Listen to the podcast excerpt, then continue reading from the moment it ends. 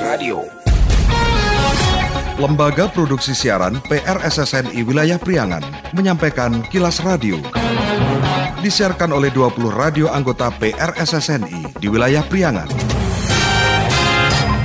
Inilah Kilas Radio bersama saya Danang Parto.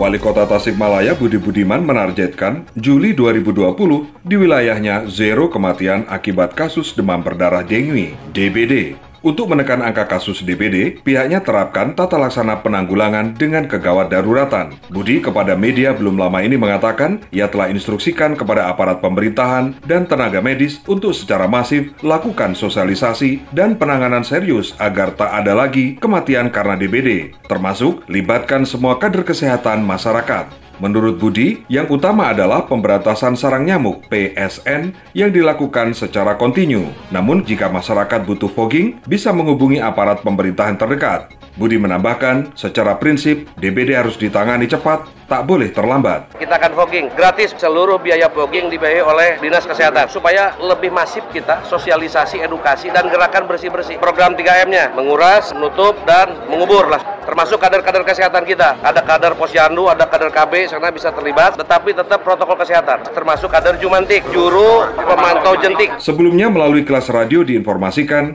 data pada Dinas Kesehatan Kota Tasikmalaya, kasus DPD terus alami peningkatan. Bahkan hingga Juni lalu telah mencapai 673 kasus dengan angka kematian 16 pasien.